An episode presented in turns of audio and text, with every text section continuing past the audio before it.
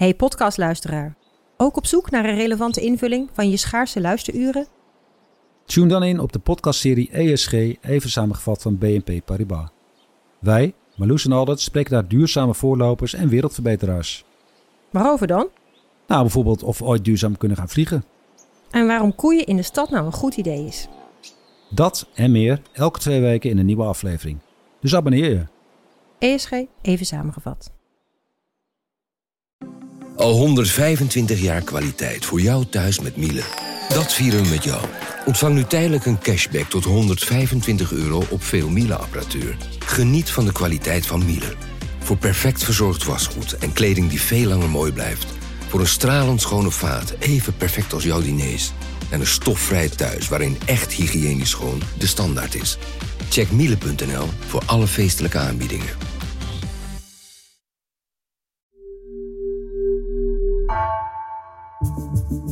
Vanaf de redactie van NRC het verhaal van vandaag. Mijn naam is Egbert Kalsen.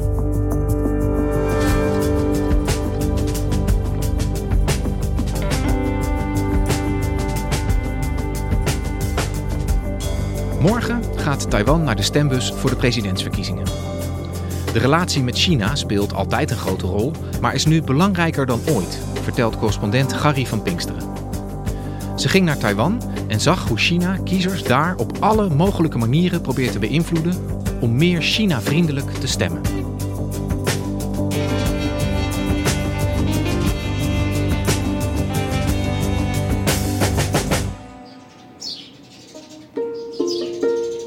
Op nog geen vijf kilometer van de kust van het Chinese vasteland liggen de Kinmen-eilanden. Dat zijn hele kleine eilandjes. Het grootste eiland daarvan is zo'n beetje zo groot als Texel, dus niet bepaald een enorm eiland.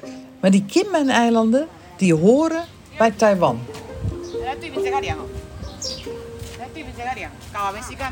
Maar het ligt wel enorm dicht op de Chinese kust. En het ligt daarmee eigenlijk veel verder af van het hoofdeiland Taiwan. Uh, dat ligt wel op zo'n uh, 300 kilometer verderop. En als je in de haven staat en je kijkt over het water, dan zie je gewoon de contouren van de enorme miljoenenstad Xiamen, die dus op het vasteland van China ligt. En als je wil, dan ben je met een veerboot, met een half uurtje ben je op het Chinese vasteland, ben je in Xiamen. Dus je kunt daar bij wijze van spreken even voor de lunch naartoe gaan En ik ben op andere plekken op het hoofdeiland Taiwan geweest, maar ook naar deze Kinmen-eilanden, omdat het een hele interessante plek is. Want wat je daar ziet, is eigenlijk hoe ingewikkeld die verhoudingen tussen Taiwan en China zijn. Now, our top focus today Beijing has reaffirmed its claim over Taiwan, saying that the island's upcoming elections are China's internal affairs. 世界上只有一个中国。 Morgen gaat heel Taiwan naar de stembus en ze kiezen dan een nieuwe president. Taiwan's presidential race is in full swing. Maar zoals altijd bij die verkiezingen speelt China een enorm grote rol. Voters are set to pick their new leader on Saturday. With growing concerns over a possible invasion by China. En eigenlijk is dat dit jaar nog groter ook dan dat het voorheen was. Speelt nog belangrijker een rol, want de dreiging van China voor Taiwan is groter geworden. Some see this as a crucial election for Taiwan's future. De spanningen tussen Taiwan en China zijn enorm opgelopen. Dus dit is echt een heel belangrijk verkiezingsthema. An election that China has called a choice between peace and war. En dat is daar op Kinmen het meeste zichtbaar.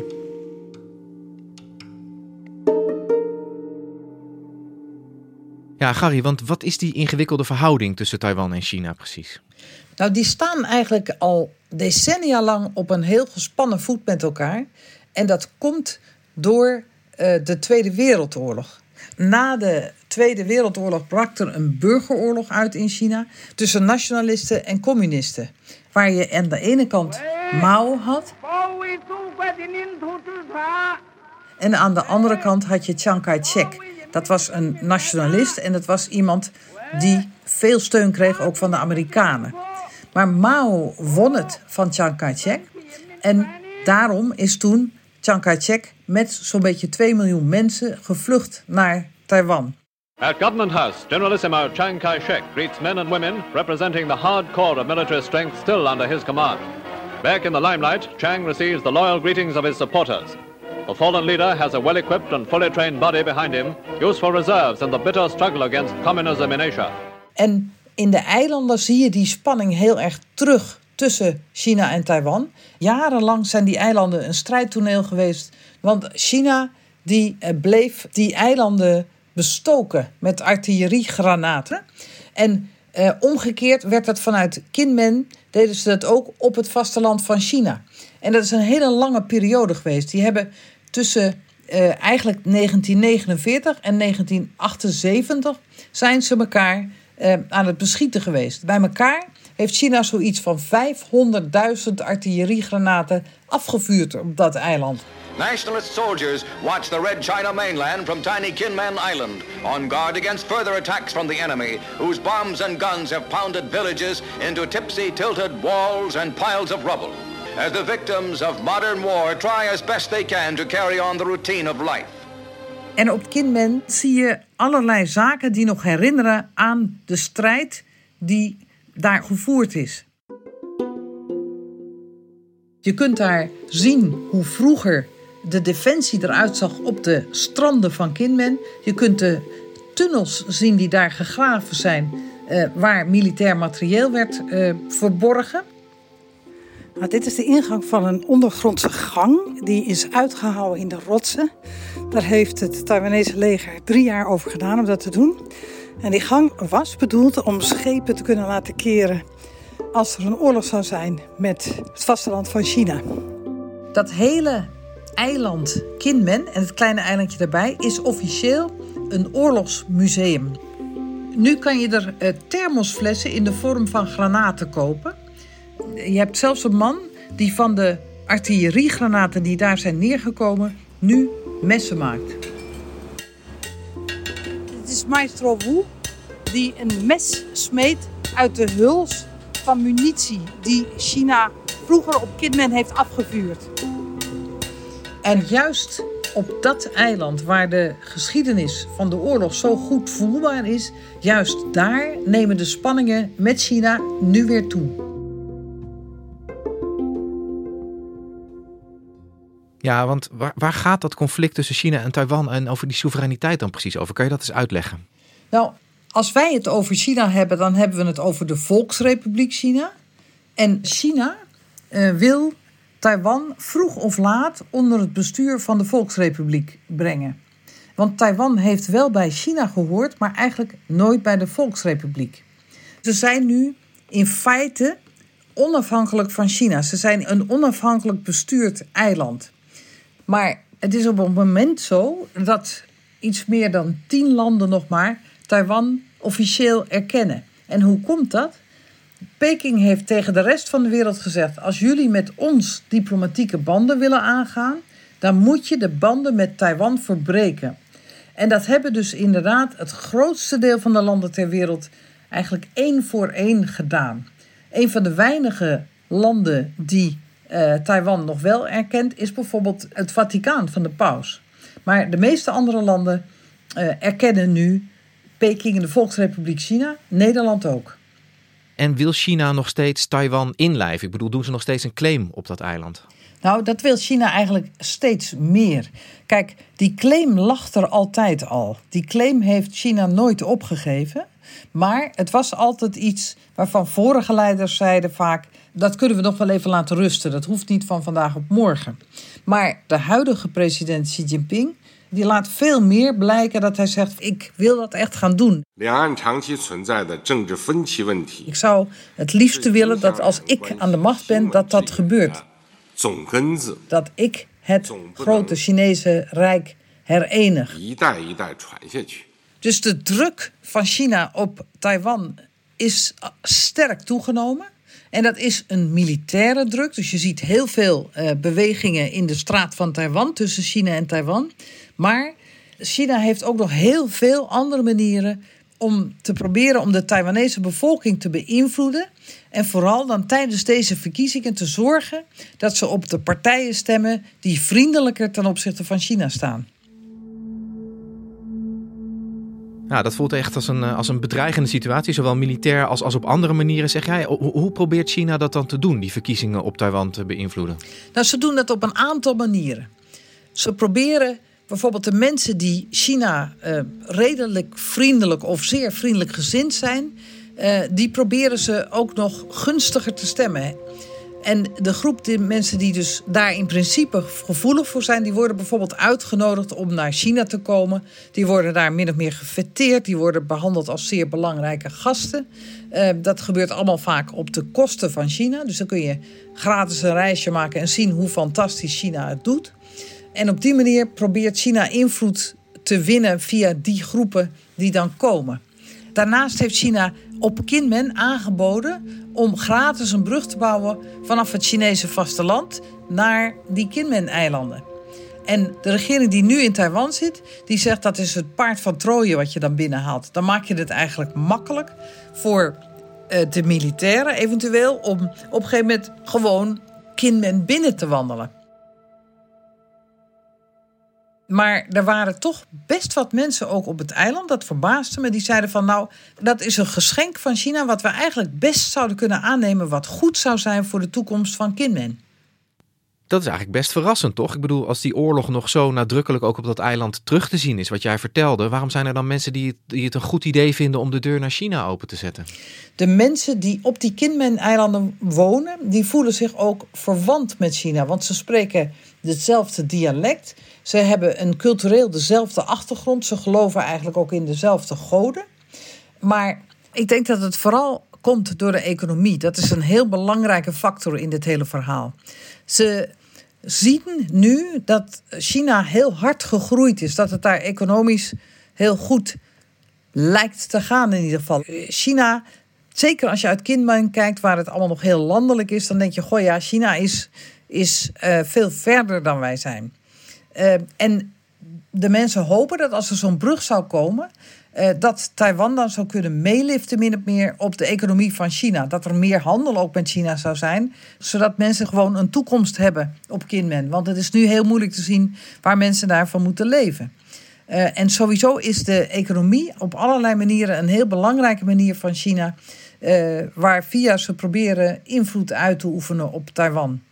En dat doen ze ook wel op manieren die minder vriendelijk of uitnodigend zijn. Hè? China is voor Taiwan een grote afzetmarkt, bijvoorbeeld ook voor eh, verse producten, voor groenten, maar ook bijvoorbeeld voor vis. Maar sinds 2016 is er geen formeel contact tussen de regering die in Taipei zit, dus de Taiwanese regering in Taipei, en de regering in Peking. De huidige regeringspartij, de DPP, die heeft de acht jaar dat ze aan het bewind zijn geweest nu, vooral ingezet om te zeggen: wij gaan eh, meer een zelfstandig beleid voeren. Kijk, ze zijn ook heel slim geweest. Hè. Ze hebben nooit gezegd: we gaan de onafhankelijkheid van Taiwan verklaren of iets dergelijks. Want dan zou China echt wel zich gedwongen voelen om onmiddellijk binnen te vallen. Maar ze hebben wel gezegd: ja, we zijn in feite al een onafhankelijk land, dus we hoeven ons niet onafhankelijk te verklaren. Um, dat zijn dingen waar China enorm over valt. Die zegt, daarmee zijn het separatisten. Daar willen we eigenlijk helemaal niet mee praten. Dus uh, dat is heel lastig. Er is geen direct contact. Uh, en China gebruikt dat gebrek aan contact ook soms om dan heel plotseling met economische sancties te komen. Ik was op Taiwan ook bij, op een plek waar ze een bepaald soort fruit kweken. Dat heette suikerappels. Dat lijkt in niets op appels, maar zo'n grote, zoete tropische vrucht. En uh, daar was het ook opeens zo dat die suikerappels uh, China niet meer in mochten. En dat daar rond de verkiezingen dan mee wordt gespeeld. En nu mogen ze er wel weer in. Maar dat China dus laat voelen van pas op, als je stemt op een manier die ongunstig is voor China, dan, dan zorgen wij dat die ook ongunstig is voor de Taiwanese export naar China. En zo worden burgers dan beïnvloed uh, om meer pro-Chinees te stemmen. Of in ieder geval uh, wat China vriendelijker te zijn. Een beetje een klassieke good cop, bad cop houding uh, voelt het een beetje, hè, China. Aan de ene kant Taiwan paaien met zo'n brug en aan de andere kant ook echt je spierballen laten zien door te dreigen en, en ook echt sancties op te leggen. Uh, jullie hebben ons nodig, maar daar hangen wel voorwaarden aan. Zo voelt het een beetje. Ja, dat is precies wat het is. Hè. Het is een klassieke wortel en stok. En ik heb het ook wel eens in Hongkong horen omschrijven. Die zei van ja, China heeft in de ene hand hebben ze snoepjes die ze je uitdelen. Maar als ze je meer willen dwingen, dan hebben ze in de andere hand ook, ja, zij noemden dat stront. Weet je wel, dan wrijven ze iets heel vies en naars aan. Dat is inderdaad een uh, heel klassieke manier om dat te doen. Maar er zijn ook genoeg verhalen over manieren die China zou gebruiken die nog veel verder gaan dan dat. Ik heb ook gesproken met een hele kleine partij die expliciet pleit voor hereniging met China. Dat is in Taiwan heel ongewoon. En de oprichter van die partij is eigenlijk een beruchte Taiwanese crimineel uit de Taiwanese onderwereld. Uh, en die is verdacht van het aannemen van geld van de Volksrepubliek China. Grote sommen geld. Eigenlijk dus een beetje om een tegenbeweging op te zetten in Taiwan. Om een pro-Chinese beweging op te zetten. Daar krijgen mensen mee te maken die fel anti-Chinees zijn. Ja, ze stoppen er vanuit Peking een hoop uh, energie in om uh, Taiwan weer een beetje in de greep te krijgen. Kan jij eens vertellen waarom wil China dit toch best wel kleine landje bij hun voor, uh, voor de deur zo graag toch weer hebben? Kijk, economisch gezien is Taiwan belangrijk, vooral natuurlijk door zijn chipsproductie. Maar ik denk niet dat dat een doorslaggevende reden is eigenlijk. Het is wat Mao al in in 1949 heeft gezegd wat alle Chinese leiders hebben gezegd en herhaald. Taiwan moet vroeg of laat terugkomen bij China. Het is echt een erezaak. Hè? Het is echt het idee van uh, dit is een deel van ons Chinese Rijk. En dat heeft altijd bij ons gehoord. Het zijn de mensen uh, die dezelfde baarmoeder met ons gedeeld hebben, zegt China vaak. En het is gewoon een deel van China. En wij zullen niet toestaan dat welk deel van China dan ook niet in Chinese handen is. Dus wij moeten Taiwan bevrijden. Dat is een historische opdracht. En die, die erezaak van China, dat terug willen hebben van Taiwan, dat gaat dus echt gepaard met, met, met dreigementen, zou je kunnen zeggen, vanuit Peking. Wordt dat ook echt zo gevoeld door de Taiwanese? Dat wordt wel degelijk gevoeld, maar minder dan je zou denken. Uh, mensen zijn er in Taiwan heel lang al aan gewend geraakt dat China Taiwan vroeg of laat uh, weer bij China wil trekken. En het is tot nu toe nog steeds niet gebeurd. Dus ze zijn er vrij laconiek onder op een bepaalde manier. En daarmee is ook eigenlijk het verzet, net als de angst, niet zo groot als dat je zou verwachten. Het was ook veel minder unaniem dan dat je het bijvoorbeeld in Hongkong voelde tijdens de grote protesten daar in 2019. Het, mensen zijn er meer verdeeld over. En, en waarom denk je dat dat zo is? Ik bedoel, ik kan me ook voorstellen dat zo'n situatie van permanente dreiging ook niet ideaal is. Nee, maar kijk, die permanente dreiging, daar kun je op een bepaalde manier mee leren leven. Hè? Maar als het alternatief is voor die permanente dreiging uh, dat je deel wordt van de Volksrepubliek China. En dat je dus in een communistisch systeem moet leven zoals dit op het moment in China is. En dat is heel autoritair geworden. Dan zijn er eigenlijk in Taiwan maar heel weinig mensen te vinden die daar echt voor voelen. Dus het alternatief is eigenlijk een slechter perspectief dan de huidige situatie? Uh, ja, dat is zeker zo. Ik sprak uh, ook met een lokale politicus daar op Kinmen. Ligt u s'nachts wel eens wakker dat u denkt: oh, straks komt er oorlog, wat moet ik dan? 你有的时候夜里睡不着，因为想的哇，如果将来会有真正的会有战争，那我怎么办？En die zei. 我觉得说对一般 we kunnen ook niet weg. Hè? Er is niet zomaar een alternatief om weg te gaan uit Taiwan of ook bijvoorbeeld om weg te gaan van Kinmen. Dus we moeten echt wel voorkomen dat China ons binnenvalt. 整个战争的一个形态一直在演进，这样子。 Dus er is in Taiwan eigenlijk een grote consensus dat ze de status quo willen behouden. Maar er is geen consensus over hoe je dat dan doet. Hoe kan je zorgen dat die status quo inderdaad behouden blijft? Dus dat je in een situatie zit met zo min mogelijk economische sancties, maar wel met een eigen bestuur. Nou, daar gaan deze verkiezingen in wezen over. Over hoe je dat zou moeten aanpakken. En het is geen toeval dat ze juist deze keer naar de kust van de Kinmen-eilanden zijn gekomen om campagne te voeren. Want hier was een oorlog en dat willen we nooit meer. En daarbij gaat het dan vooral om kies je een partij uh, die wil dat Taiwan zoveel mogelijk onafhankelijk is en juist banden aangaat met, met andere landen dan met China. Of zeg je nee, we moeten zorgen dat we met China geen ruzie krijgen en we moeten juist vriendelijker zijn met China. We kunnen ook niet zonder China. Dus laten we nou toch vooral met China de banden zo goed mogelijk houden en laten we die niet tegen de haren instrijken. En morgen zal Taiwan laten weten welke boodschap ze het meeste aansprekend vinden. Dankjewel, Gary. Graag gedaan.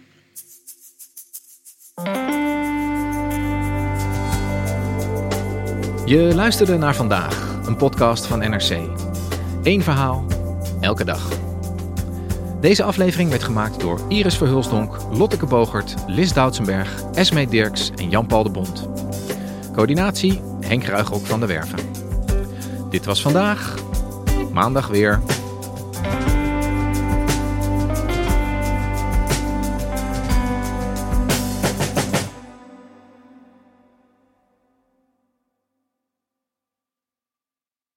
Technologie lijkt tegenwoordig het antwoord op iedere uitdaging. Bij PwC zien we dit anders. Als we de potentie van technologie willen benutten, kunnen we niet zonder een menselijk perspectief. Human-led, tech-powered noemen we dat. Ga naar pwc.nl.